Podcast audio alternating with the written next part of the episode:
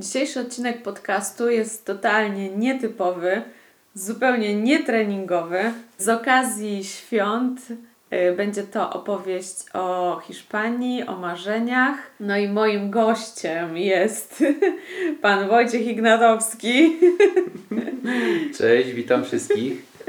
który tutaj powiedział, że musi nadzorować ten podcast, żebym wszystko powiedziała zgodnie z prawdą, bo mam tendencję do, do koloryzowania i e, podkreślania różnych wspomnień, tak jak ja to pamiętam.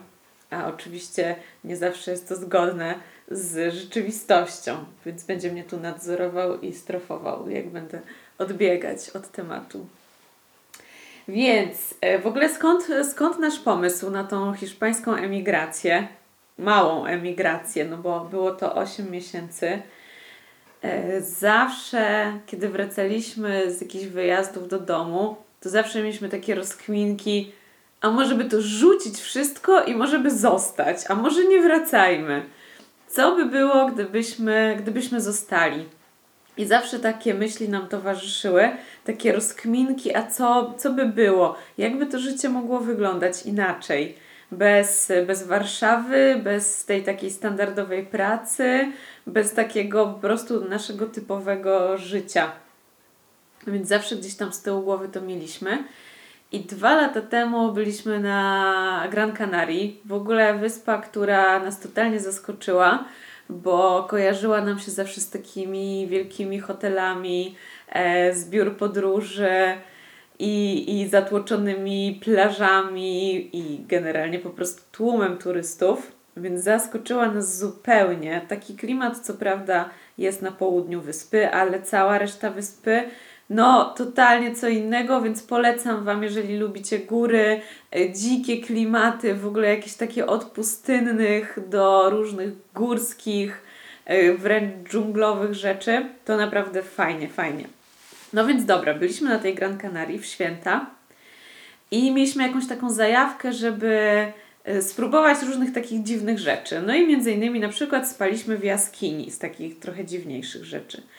Ale jeszcze jedną rzecz e, wyczailiśmy na Airbnb i był to Captain Jazz, czyli koleś, który po prostu mieszkał na łódce. E, Mieszkał na łódce, bo, bo tak było taniej. Już nie pamiętam jak to było, ale chyba nie miał kasy. Ogólnie było tak, że nie miał kasy tam na wynajem niczego, ani tym bardziej na zakup mieszkania, więc postanowił mieszkać na łódce, którą kupił bardzo tanio w Anglii, bo koleś był Anglikiem. Znaczy jest Anglikiem, zapewne nadal gdzieś tam podróżuje na tej łódce. I dlatego tam się e, zamieszkał w tym porcie w sumie. No, mieszkał w Tak, dokładnie. Mieszkał sobie w takim małym porcie. Przystani takiej dla jachtów. przystani Tylko, dla że trochę jachtów. poza nią, żeby płacić mniej. Dokładnie, nie mieszkał w przystani, żeby nie płacić za jakby cumowanie tego, tego, tej łajby, tylko mieszkał po prostu na takim trochę jakby otwartej już przestrzeni e, i co by mieć na życie, no to sobie wymyślił biznes, że będzie po prostu przyjmował turystów przez Airbnb na tej swojej łódce. Więc co Ignatowscy zrobili, jak tylko ich zobaczyli na Airbnb opcję, że można spać u jakiegoś pana na łajbie? Oczywiście od razu do niego napisali.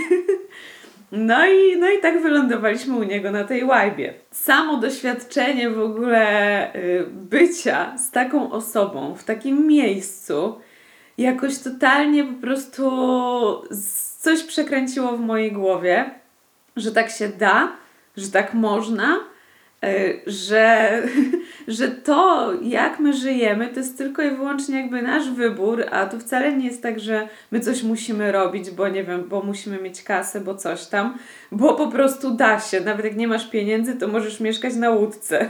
Tak, zawsze coś wymyślisz. y, On potrafił zrobić wszystko.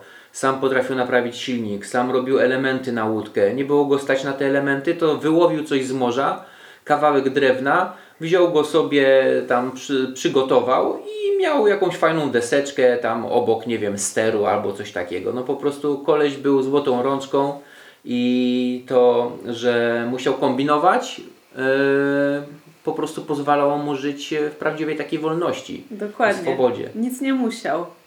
Robił to, co jakby robił to, co chciał. i to, co jest potrzebne w danym momencie. Dokładnie. No i w ogóle hitem okazało się przy jakiejś tam porannej kawie, przy wschodzącym słońcu, wiecie, na tej łódeczce, z widokiem po prostu na morze, kiedy powiedział nam, że on to w ogóle ma kobietę, która jest Polką. I ona właśnie jest w Polsce, bo zaraz rodzi, będą mieli dziecko. I jak tylko ona urodzi, to ona wraca do niego na tą łódkę on w tym czasie właśnie, kiedy jej, e, kiedy jej nie było, no to on w tym czasie całą tą łódkę ogarniał. Pokazywał nam, jak wymyślił, gdzie będzie dziecko spało, gdzie zrobi jakiś przewijak, gdzie coś tam, że nawet jak sztorm będzie, to tam wszystko ma przy, przymocowane do ścian i tak dalej. Tak, a uwierzcie, że było tam naprawdę bardzo mało miejsca. Tak, no myślę, że tam było z jakieś 8 metrów kwadratowych, jak nie lepiej. E, I no i właśnie, no i owa Polka miała do niego wrócić od razu po, po porodzie i hit e, mieli po prostu jechać w podróż na Karaiby. Ich celem tak. były Karaiby, przepłynąć tą, tą łajbą przez ocean dostać się na jakąś tam małą, wymarzoną wysepkę na Karaibach i plan był taki, że po prostu tam na, tych, na tej wysepce będą sobie mieszkać, póki, póki ich córka będzie mała. Tak, i organizować takie wycieczki e, swoim jachtem po wyspach okolicznych. Dokładnie, dokładnie.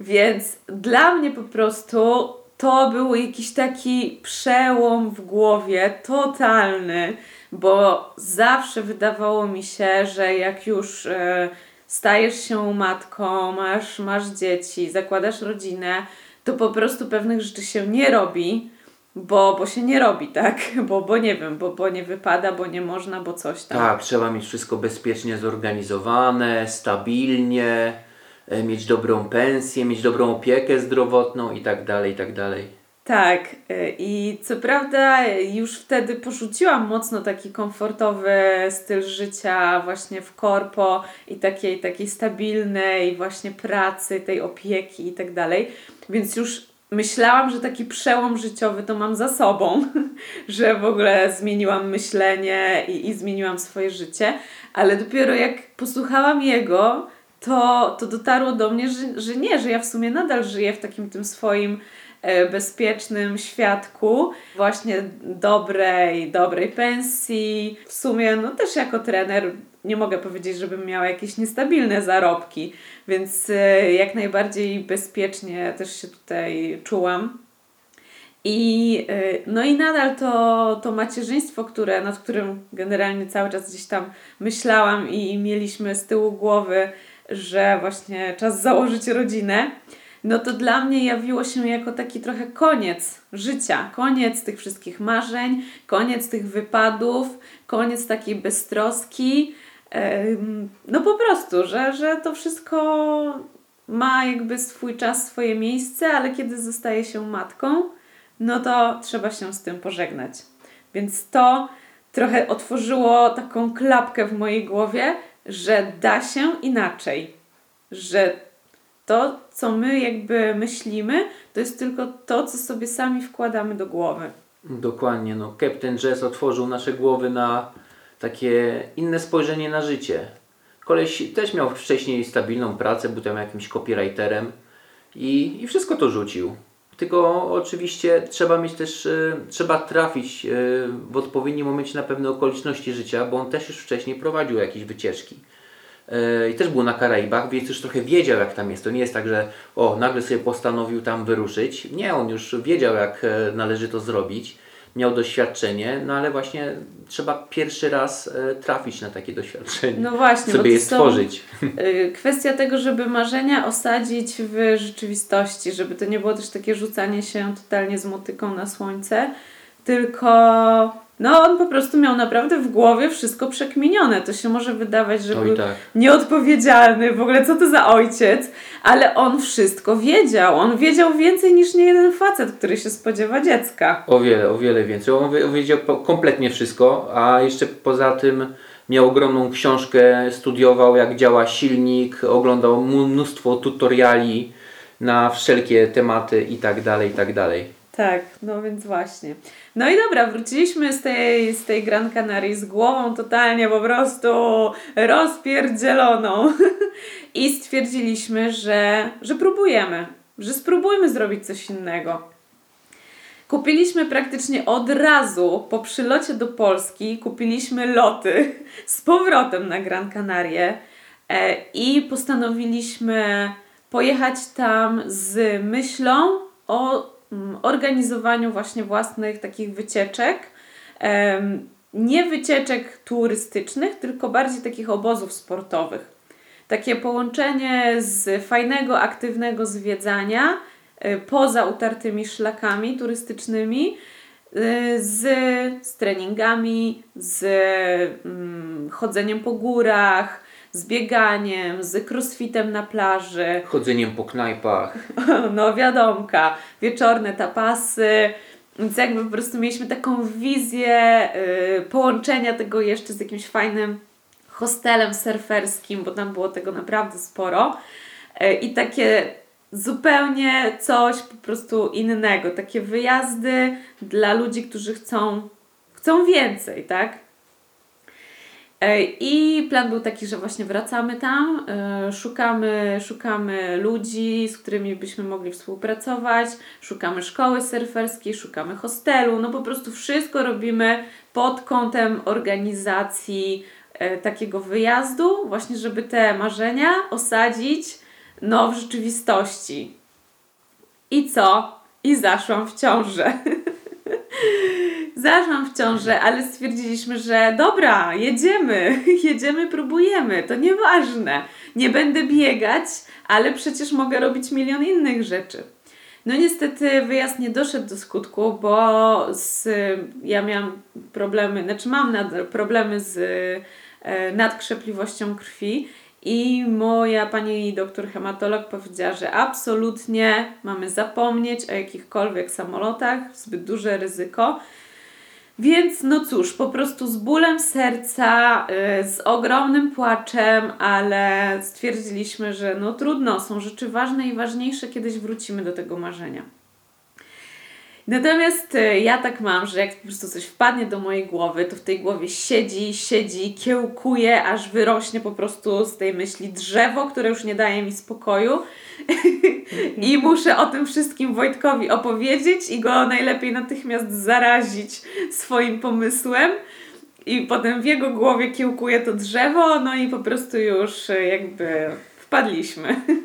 No i tak było właśnie z pomysłem wyjazdu po porodzie.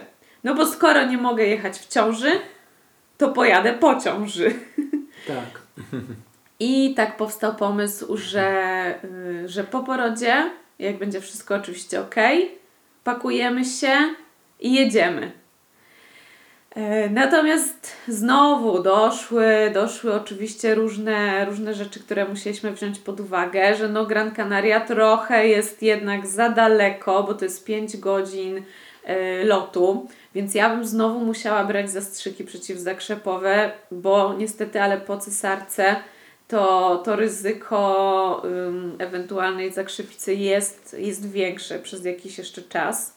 Trochę też baliśmy się, no jak to będzie po prostu z takim zupełnie maluchem, jeszcze wcześniakiem, no bo już wiedzieli, to już było po porodzie, tak? Jak już e, mieliśmy w głowie plan, że chcemy jechać, ale jeszcze nikomu o tym nie mówiliśmy.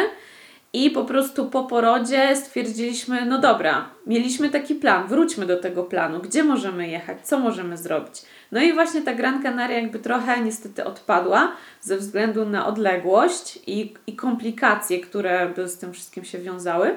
Więc palcem po mapie po prostu jeździliśmy po tej Hiszpanii i po tanich lotach z Ryanaira i szukaliśmy miejsca, które by było i blisko morza, i blisko gór, i blisko fajnych miasteczek. Jakby chcieliśmy, chcieliśmy wszystko to, co poznaliśmy na Gran Canaria, co nam się tak spodobało. Tylko, żeby to było trochę bliżej. Trafiliśmy na Malagę, przez większość osób odradzaną zupełnie. A po co tam jechać? A to takie wielkie miasto, a tam nic ciekawego nie ma. I jest tyle fajniejszych miejsc na świecie. No i wiadomo, każdy, każdy ma swoje zdanie, każdy ma oczywiście prawo mieć swoje zdanie. W każdym razie uparliśmy się, bo, bo po prostu spodobało nam się. Spodobało nam się klimatem, żarciem, yy, ludźmi. W międzyczasie zaczęliśmy uczyć się hiszpańskiego właśnie z chłopakiem, który mieszka w Maladze i jakby on też nas trochę tak y, zaraził takim uśmiechem, taką wesołością. Tak, andaluzyjskim uśmiechem. Tak, I, lekkością bycia. I ogólnie na początku to nie było określone, że do Malagi. E, po prostu Andaluzja. Tak, Andaluzja, Andaluzja, Andaluzja. i znajdziemy sobie jakieś miejsce. Tak. Pojedziemy, poszukamy przez dwa tygodnie i zobaczymy, które nam Tak. się najbardziej No spodoba. właśnie, Wojtek ma rację. Tak, na początku nie byliśmy wcale pewni, że Malaga. Jakby wiedzieliśmy, że tam lecimy, ale nie byliśmy pewni, gdzie zostaniemy. No i w ogóle skąd pomysł na to, żeby tak długo tam siedzieć? Pomysł był spontaniczny, bo na początku mieliśmy tak w planach, a to może tylko zima, może tylko na dwa miesiące, zobaczmy jak będzie. Z małym dzieckiem to może lepiej nie na, nie na długo. E, Natomiast potem okazało się, że wcale nie tak łatwo nasze mieszkanie wynająć na dwa miesiące, no bo ludzie chcą wynajmować dłużej. W naszych myślach, jak już to wszystko się tak jakby zaczęło trochę układać, że my faktycznie jedziemy, że my się pakujemy, że my musimy w ogóle nasze mieszkanie zapakować, to stwierdziliśmy, kurde, to po co na dwa miesiące? To jedźmy od razu na dłużej. To przecież szkoda zachodu, żeby wracać po dwóch miesiącach. Tak, spakowanie całego mieszkania, uwierzcie, to jest, no to, jest, to jest dramat. Po prostu tyle pakowania, że to trzeba pakować się na dłużej. Dokładnie. E, I plan był czteromiesięczny. Na początku plan był czteromiesięczny, ale nie mieliśmy lotów powrotnych kupionych, więc jakby byliśmy otwarci na to, co się wydarzy i jak to będzie wszystko wyglądało.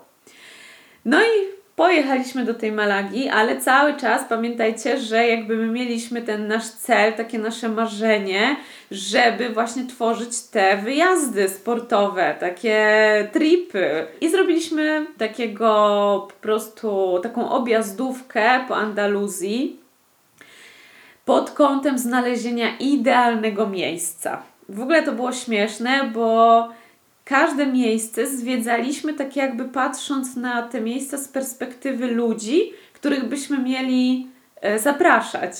Więc to, to nie był taki wyjazd e, czysto turystyczny, czyste zwiedzanie, tylko teraz na przykład jak e, robiło, robiliśmy album i ja wracałam jeszcze raz do tych zdjęć, to my mieliśmy na przykład zdjęcia hosteli, zdjęcia pokoi, zdjęcia jakichś wycieczek różnych, więc y, trochę, trochę w ogóle pod innym kątem jakby zwiedzaliśmy tą Andaluzję.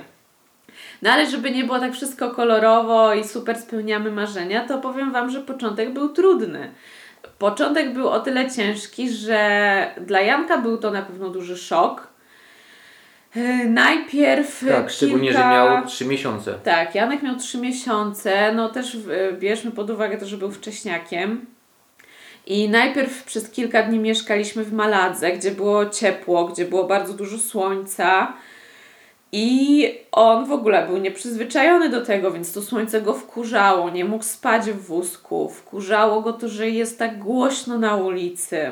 Cały czas nam się wybudzał, cały czas płakał. No widać było po prostu, że tak trochę to dziecko wybiliśmy z rytmu i ja wręcz miałam takie trochę wyrzuty sumienia. Wiecie, co, co, co za matka ze mnie, że ja tak po prostu egoistycznie do tego wszystkiego podchodzę. Potem, jak pojechaliśmy nad ocean, to z kolei zupełnie inny klimat. Było cholernie zimno. Wiało. Wiało, po prostu wiało tak, Sypało piachem. urywało łeb. Y, Ciężko było w ogóle pójść na spacer, bo, bo nie dało się iść, bo Oj, wiatr tak. po prostu przewracał. E, Deszcz jak padał, to on nie padał z góry, tylko on padał w poziomie i po prostu żadnego parasola nawet się nie dało utrzymać. Momentalnie było się mokrym. I, yy, no i w ogóle byliśmy w grudniu, tak? Więc y, to był taki sezon nad oceanem martwy. Tam się nic nie działo, po prostu było pusto, totalnie.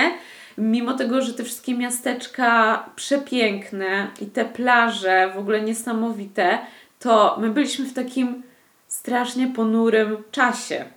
I jakby ten, taka aura, no taka polska aura, po prostu taka szarówka trochę. Ten deszcz, ten Janek, który nam płakał cały czas. E, I my po prostu, którzy w sumie nie wiedzieliśmy właściwie, no nie wiedzieliśmy, gdzie chcemy się zatrzymać, co chcemy robić jutro, co chcemy robić pojutrze. Tak się, po prostu tak się na maksa wybiliśmy z tego naszego życia i y, jakby sami na własne życzenie. No, musieliśmy jakoś ogarnąć się właśnie w takiej zupełnie dla nas nowej sytuacji, która zaskoczyła nas tym, że to już nie było wszystko takie proste, jak byliśmy sami wcześniej. No więc tak, żeby nie było właśnie tak super kolorowo, ten początek był, był trudny i nie mogliśmy trochę tak, takiego idealnego miejsca znaleźć. Jakby wszędzie było, wszędzie było coś. E, podobał nam się Kadyks, ale z kolei Kadyksie y, było, co było w Kadyksie? Tłoczno było tak, bardzo. Tłoczno dosyć, dosyć, znaczy tam nie było bardzo drogo, ale jednak... Wynajem był drogi, wynajem, mieszkania, tak, tak nie mogliśmy drogi. znaleźć mieszkania w Kadyksie. Y, było ciężko było tak z dzieckiem pod kątem na przykład jakichś spacerów, tak? Wszędzie były schodki, kostka brukowa, mało było takiej zieleni, jakichś takich parków i tak dalej, żeby sobie z tym dzieciakiem można było połazić, no a też już pod tym kątem trochę patrzyliśmy, że, yy, no, że jakby w tym miejscu będziemy przez jakiś tam czas żyć. Tak i zresztą było też ciężko oczywiście zamieszkać blisko plaży, więc to trochę wykluczało to miejsce. Tak, no właśnie i pod kątem organizacji wyjazdów, tak, bo chcieliśmy to pogodzić i to życie z dzieckiem i te wyjazdy, no to tutaj albo jedno, albo drugie, że musielibyśmy albo wynająć jakieś malutkie mieszkanie w kamienicy gdzieś tam na którymś piętrze, e, i to by było powiedzmy fajne pod kątem wyjazdów, bo by się było w mieście, bo by się było jakby w centrum tego całego życia, no ale już z dzieckiem nie do końca fajne, więc tacy byliśmy trochę mm, rozdarci, nie wiedzieliśmy do końca, co będzie lepsze, co, co, co wybrać. Tak, i tam chyba jeszcze był problem z lotami, że tam... Był problem z lotami, nie było wcale tak łatwo dotrzeć do Kadyksu. No i jakby było dużo rzeczy, które nas w końcu jakby finalnie do tego Kadyksu zniechęciły, mimo że polecam odwiedzić, bo miasto jest no jest niesamowite. Po prostu jest to koniec Europy i, i to się czuje, że już jest się bardzo blisko Afryki, którą widać w ogóle. Tak. Szczególnie jeszcze potem e, po Kadyksie mieliśmy na celowniku mniejszą miejscowość. Tak, Tarifa. Tarifa, Tarifa też bardzo fajna, taka ser surferska miejscówka, ale w grudniu, kiedy my byliśmy poza sezonem, ona była trochę taka wymarła. No i tak znowu było, tak, tak nie do końca się tam czuliśmy, że to jest to nasze miejsce. I w sumie wróciliśmy z tego całego tripu po Andaluzji z takim, z takim czymś w głowie, że o Boże, tyle fajnych miejsc, tyle pięknych miejsc, ale właściwie to my nie znaleźliśmy tego miejsca.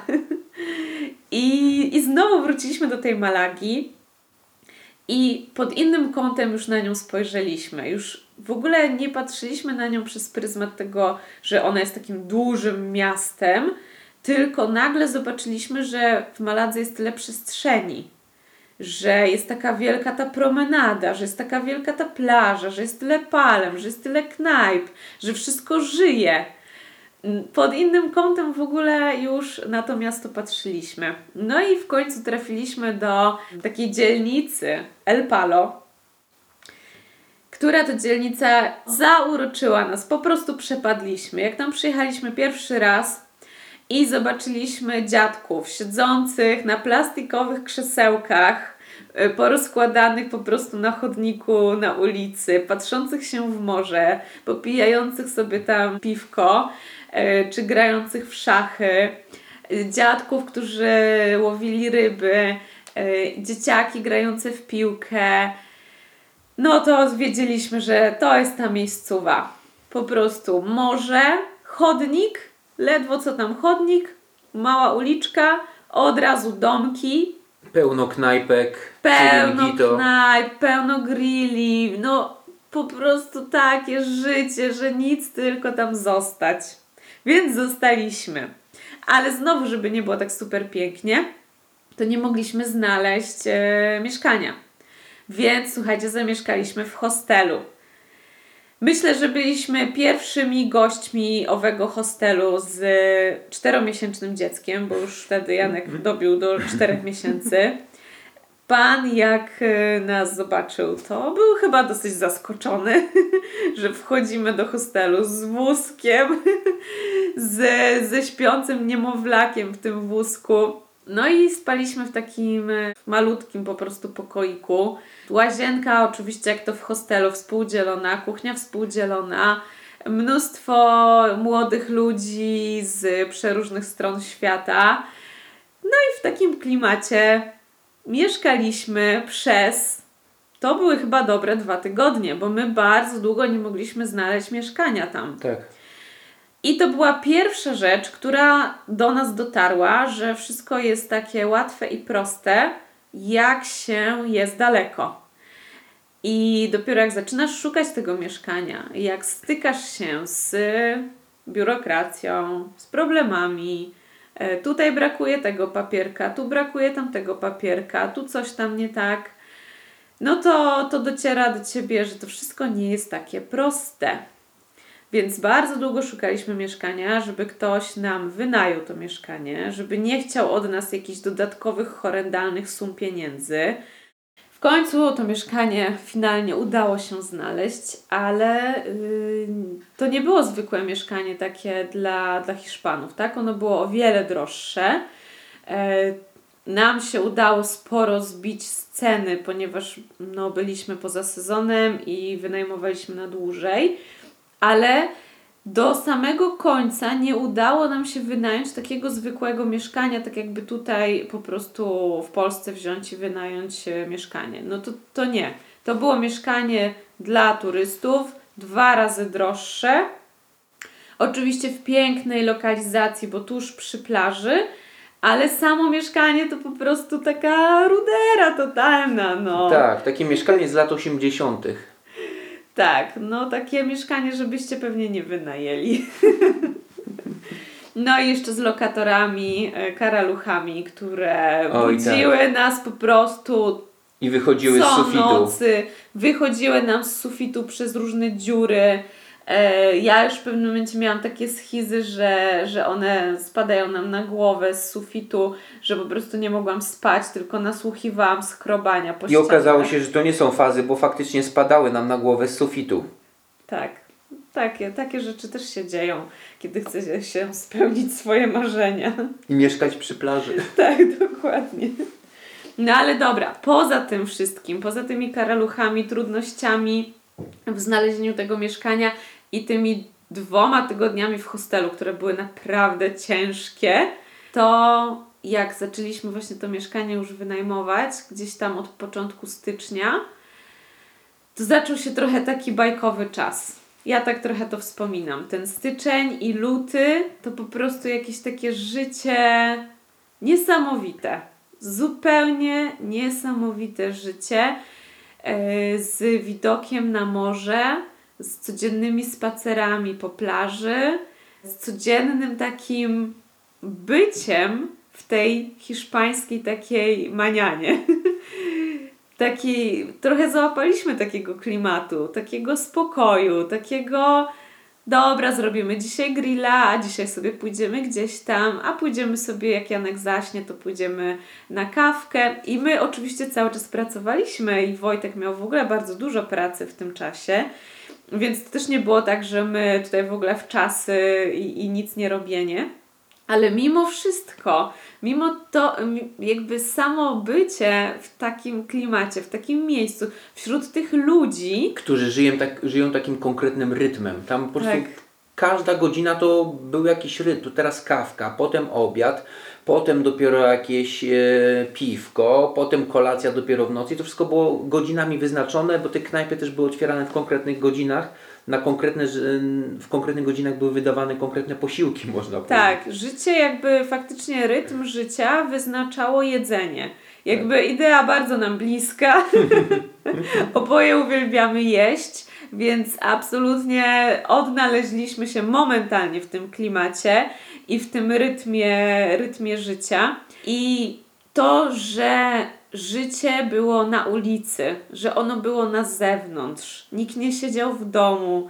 E, wszyscy, i starsi, i młodsi, dzieciaki, niemowlaki, wszyscy razem po prostu. Do późnych godzin nocnych. Dokładnie. I to było takie.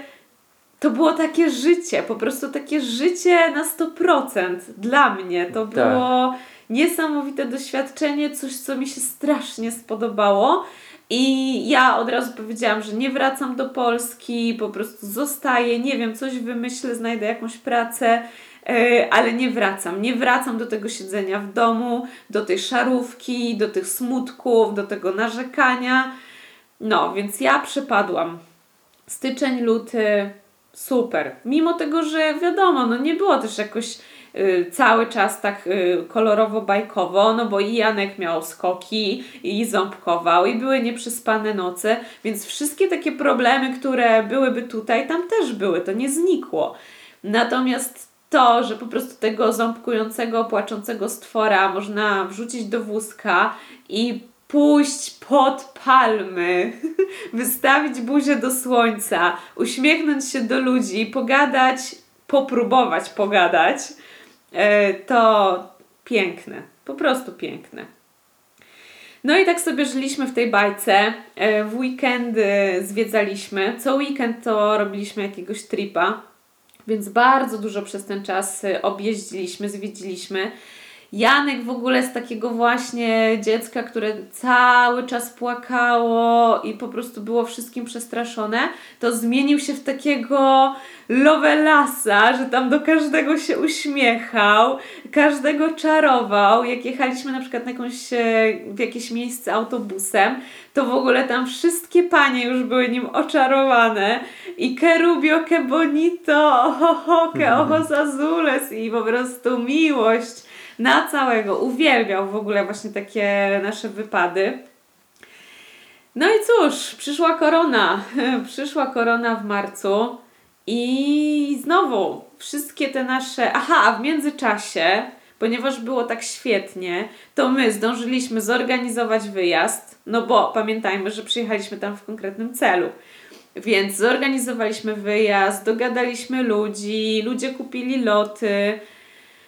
Ech, wszystko było praktycznie dopięte na ostatni guzik. Tak, Jedyne mieliśmy co- hostel, wszystko było. tak, hostel mieliśmy umówiony, no wszystko. Dzień przed zamknięciem byliśmy umówieni z agentką nieruchomości na oglądanie mieszkań. Naprawdę byliśmy, po prostu wiedzieliśmy, że chcemy to zrobić, że chcemy tam zostać, że chcemy robić te wyjazdy, że sobie poradzimy, że będzie dobrze. I to nie agentką nieruchomości od wynajmu, tylko od kupna. Od kupna, tak. Chcieliśmy sprzedać po prostu wszystko, co mamy e, tutaj i no i zrobić to wreszcie, spełnić nasze marzenie. No i przyszła korona. Przyszła korona, pani agentka, chociaż chyba to ja napisałam, że może, może przełożymy to na jakiś inny dzień, bo w sumie to jesteśmy zamknięci. E, tak, w Hiszpanii korona faktycznie pojawiła się zupełnie nagle i nieoczekiwanie, bo to było tak, że ona gdzieś tam była w tych wiadomościach, dużo, wszyscy tam dużo o tym gadali, ale nic się nie działo, tak jakby w mieście wszystko było po staremu. Było to raczej powiedzmy bagatelizowane, natomiast to nie było tak, że ludzie to bagatelizowali, tylko po prostu w mediach też trochę było to tak przedstawiane, że trochę były takie śmiechy, no tam mówili, że nie ma co się martwić, że wszystko robimy po staremu, że jeszcze tam jakieś festyny i tak dalej, wszystko, karnawał musi być, no i, no i takie klimaty. I po prostu totalny zwrot polityki w jeden dzień i, i zupełnie wszystko się zmieniło, zostało zamknięte. Tak, z dnia na dzień. To, to było dzień. kilka godzin, kiedy Tak. ogłosili i od razu nagle zaczęło się robić spokojnie, a na następny dzień w sobotę już wszystko było Tak, zamknięte. już nie można było wyjść z domu i tak zaczęło się nasze 60 dni zamknięcia w tym naszym małym mieszkanku, którego byście nigdy nie chcieli nawet wynająć. Ile tam było? 15 metrów? Tak, myślę, że coś koło tego. I to Plus ten mały tarasik y, 3 metry. Tak, plus mały tarasik, który co prawda no wtedy nas ratował. Eee, Ale zaczęła się kwarantanna, lockdown i zaczęło się, nie kwarantanna, tylko lockdown i zaczęło się oczywiście co? paskudna pogoda. Tak, zaczęło lać. Lać potwornie. E, w ogóle słońce nie wychodziło. I tak było, myślę, że to trwało dobry miesiąc. Tak, cały miesiąc lało. My po prostu, żeby nie wpaść w totalną deprechę, mm, to uciekliśmy w pracę. Więc y, wieczorami po prostu siedzieliśmy jedno przy swoim kąpie, drugie przy swoim kąpie. I tak wyglądało nasze życie bajkowe w Hiszpanii przez 30 jakieś, przez dobre 30 dni taka była pogoda paskudna. I jakoś to, było, to był taki nasz chyba sposób na, na poradzenie sobie z tym, tak? Znalezienie sobie jakiegoś takiego zajęcia. Więc siedzieliśmy do późna, byliśmy cały czas przemęczeni, e, byliśmy oczywiście podirytowani na siebie, na Janka, na to, że jest ciasno, na to, że idą zęby, na to, że jest skok, na to, że nie ma jak wyjść na spacer. No jakby wiadomo, myślę, że myślę, że wiecie jak to jest po prostu. Potem jakoś się, potem jakoś się trochę ogarnęliśmy. Chyba z tą lepszą pogodą. Tak, jak wyszło słońce, było już lepiej. Tak, tak. Wyszło słońce yy, i jakiś taki system sobie wyrobiliśmy codziennego chodzenia po prostu do sklepu na zakupy. To wyjście do sklepu na zakupy było taką namiastką spaceru dla nas, namiastką normalności, przejścia się przez tą promenadę pustą. No i potem było jakoś tak coraz lepiej. Oczywiście płynęliśmy z produktami yy, cukrowymi, które tonami po prostu kupowaliśmy w tym markecie. Tak. Więc y, tak, więc wyżerka, alkohol, no niestety Alkohol. muszę przyznać, Dobry, dobry moskatel. Że, że moskatel wjeżdżał u nas naprawdę często. Tak, takie, to jest takie ich słodkie wino, y, które jest przepyszne z, lo, z kostkami lodu i z pomarańczą. Tak, dokładnie. Ta przestrzeń, którą jakby mogliśmy sobie podziwiać z naszego mini tarasiku, też jakoś pomogła nam przetrwać ten czas na pewno. No i takie klimaty, na przykład, że delfiny skakały nam pod oknami, to też dosyć niesamowite zjawisko. Tak, można było obserwować no takie og- ogromne stado, no nie wiem, z 40 wielkie delfinów skaczące jeden za no. drugim, płynące w stronę portu na wyżerkę. Tak, dokładnie. I, ale Hiszpania pusta, Hiszpania bez ludzi, to dziwne doświadczenie. Bez rozmów Tak. tych wszystkich ludzi, którzy Dziwne, zawsze dziwne. stali. Dziwne i myślę, że dla Hiszpanów było to bardzo trudne doświadczenie. Dla nas, jako Polaków w Hiszpanii również. Tylko sobie mogę wyobrazić, jak oni się czuli, bo jednak oni mieszkają w takich dużych, dużych rodzinach na, no, na po prostu bardzo niewielkiej przestrzeni. Bo tak jak opowiadałam, no po prostu życie toczy się na ulicy, więc nikt nie ma Tak. Mm, Nikt nie ma takich potrzeb jak u nas, żeby mieć ten dom taki na wypasie. Żeby wszystko było takie eleganckie, ładne i żeby mieć większe okna. Tam są małe okienka, tak. Tam dosyć są ciemno. Małe okienka, jest ciemno. E, No, całe rodziny, właśnie wiele pokoleń, czasami w, takim, na, na, w jednym takim mieszkanku małym. Mało tego, czasami rodziny tam żyją osobno, że jakby facet mieszka ze swoją rodziną, kobieta mieszka ze swoją rodziną i dziecko jakby jest z kobietą. No bo oni i tak spędzają czas cały czas na zewnątrz. Więc wisi im to, czy, czy mieszkają razem, czy nie mieszkają razem. Oczywiście nie mówię, że każdemu, ale no, były takie, takie historie też. I w momencie tego lockdownu, no to przez 60 dni na przykład dziecko nie widziało swojego ojca. Więc takie trudne historie, o których się nie mówi, o których się nie myśli, mm, dopóki właśnie się człowiek z tym nie zetknie. Okej, no ale żeby nie, nie kończyć tak negatywnie, my byliśmy twardzi. Nie wróciliśmy. Nie wróciliśmy tym lotem do domu. Tak, mimo tego, że wiedzieliśmy już od znajomych, którzy po prostu mieli e, dobre cynki e, o tym, że jeżeli nie wrócimy teraz, czyli tam pod koniec chyba marca, 20 do 20 Tak. któregoś marca, to też będą ostatnie loty i my już do Polski nie wrócimy przez nie kolejne wrócimy. nie wiadomo ile miesięcy. Tak. E, Znaczy mieliśmy, faktycznie mieliśmy trochę moment załamania nerwowego. W momencie, kiedy nie byliśmy pewni, czy koleś nam przedłuży wynajem, E, I po prostu zaczęliśmy się bać, co, co będzie, gdzie my wylądujemy. Bo Jak my znajdziemy cokolwiek. Tak, nic nie można, jakby jest zakaz wynajmowania cudzoziemcom. My jesteśmy tacy trochę zawieszeni w przestrzeni, bo nie powinno już nas być na tej hiszpańskiej ziemi, ale w sumie to zostaliśmy. I nawet dzwoniliśmy do ambasady, tak, e, do konsulatu się dowiedzieć, co, co teraz, co mamy robić. Więc generalnie zostaliśmy zwyzywani od nieodpowiedzialnych rodziców y, i że jak mogliśmy zostać w Hiszpanii, trzeba było wracać wtedy, kiedy była pomoc, bo teraz to już nie ma pomocy i trzeba sobie radzić samemu. Tak, trzeba samemu znaleźć sobie lot do Berlina i potem z Berlina przedostać się do Polski. Tak, więc taki klimat, y, gdzie się trochę stresowaliśmy, też był. To nie to, że wszystko tak na lajcie i w ogóle my super tacy odważni do samego końca. Mieliśmy takie, takie chwile właśnie zwątpienia, co, co tam dalej będzie.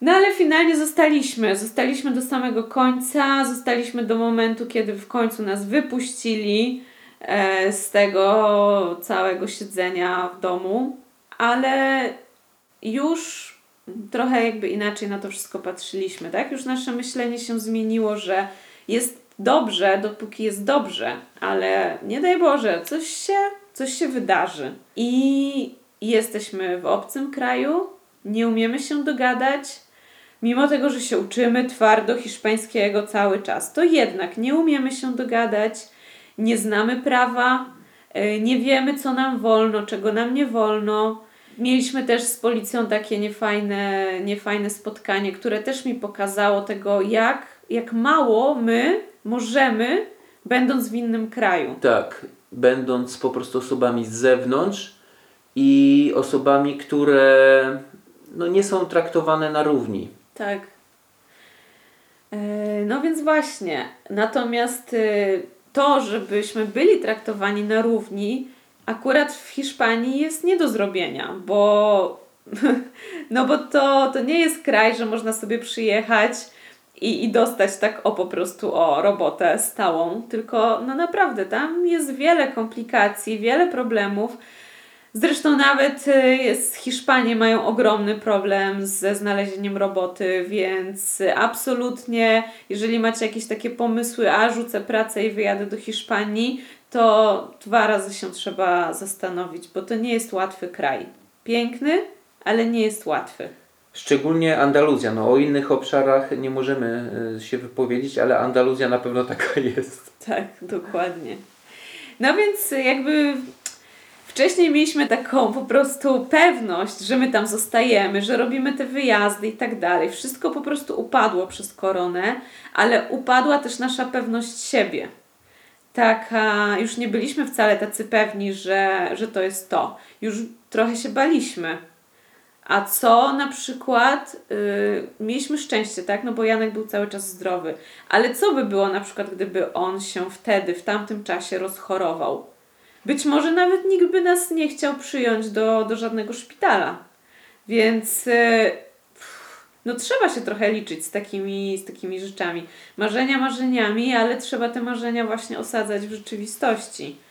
I nas trochę ta rzeczywistość hiszpańska w czasach korony trochę nam dała do myślenia.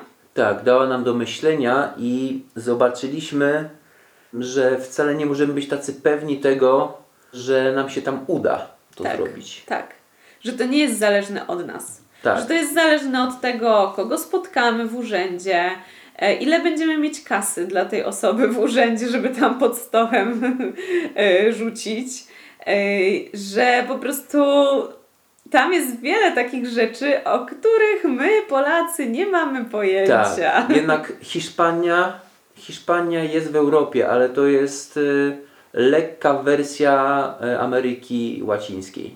Tak, tak, myślę, że tak. Zresztą nawet y, kiedyś przy, właśnie ktoś z Hiszpanii powiedział, że Hiszpania jest w Europie, ale, ale Europa Zachodnia kończy się na Francji. Tak. Kończy się na Francji i to, to już dalej to już nie jest Europa. Więc wiecie, no skoro Hiszpanie też tak się śmieją i tak mówią, to, to coś w tym jest.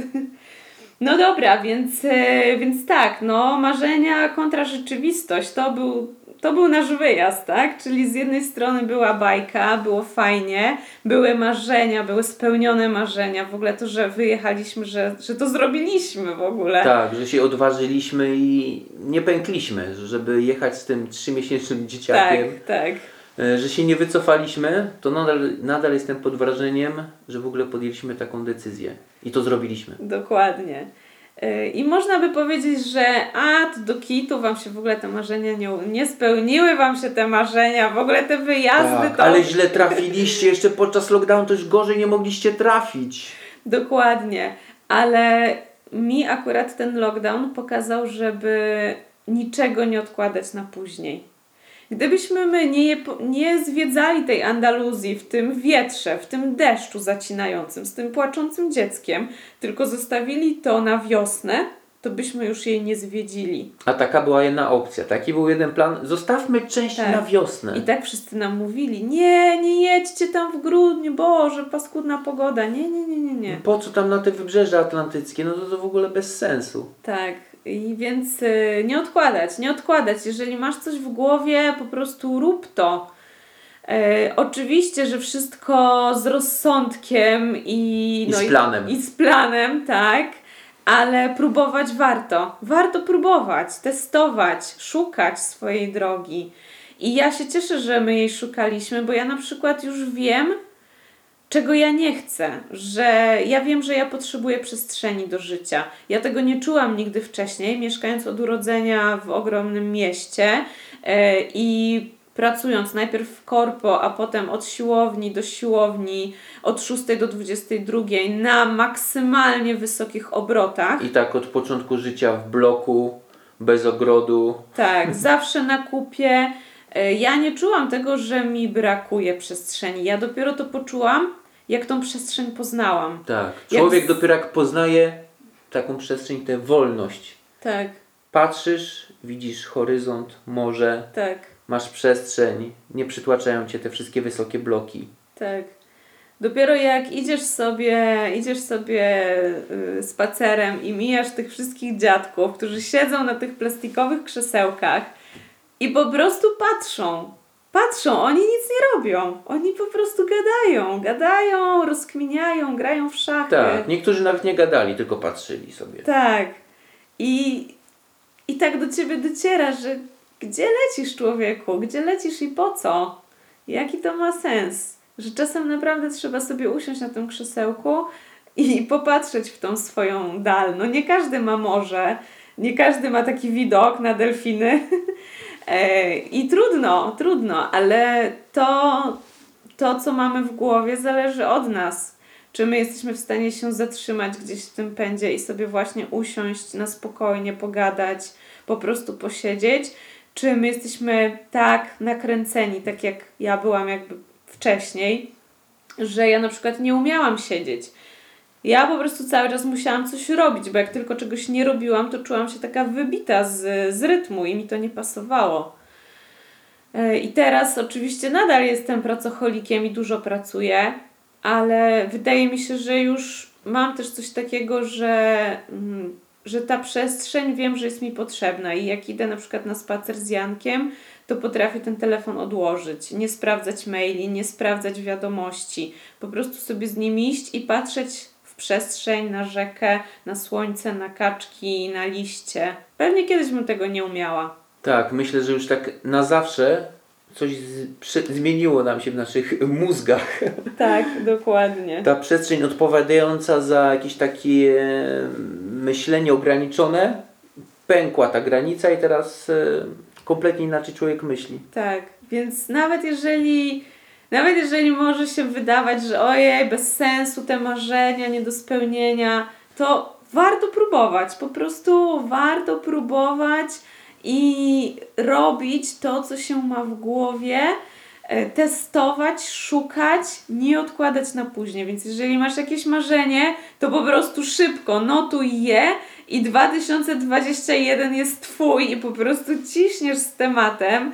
E, No, trzymam kciuki, ale oczywiście Życie jest życiem i życie weryfikuje i to też jest okej. Tak, trzeba być gotowym na to, że trudno, no kurde, jeżeli się nie uda, jeżeli trafiłeś na jakąś przeszkodę, której nie da się przeskoczyć, bo to nie zależy od ciebie, no to niestety, no trzeba, trzeba na to spojrzeć z innej strony i poszukać wtedy innych rozwiązań. Dokładnie. Naszym rozwiązaniem tak się trochę e, zrobił z tego wyprowadzka z Warszawy. Nie wróciliśmy tak. z Hiszpanii do Warszawy. Dokładnie. W sumie my wyjechaliśmy i do, do dzisiaj nie wróciliśmy do naszego mieszkania. Tak. E, Do dzisiaj żyjemy z tymi kilkoma plecakami, z którymi wyjechaliśmy rok temu z naszego mieszkania. Kilka rzeczy dobraliśmy, owszem, ale my nadal się nie rozpakowaliśmy jakby z tego spakowanego mieszkania. My nadal wszystko mamy w pudłach, w kartonach i da się, i da się. W sumie jesteśmy szczęśliwi. Tak, im mniej rzeczy, tym człowiek bardziej wolny. Tak, to też prawda. No dobra, kończymy chyba ten przydługi podcast. Ale mam nadzieję, że mam nadzieję, że Was e, może trochę zainspiruje do czegoś, a może troszeczkę inaczej też spojrzycie na te swoje marzenia, bo wiadomo, że każdy z nas ma jakieś marzenia w głowie i my też jeszcze mamy.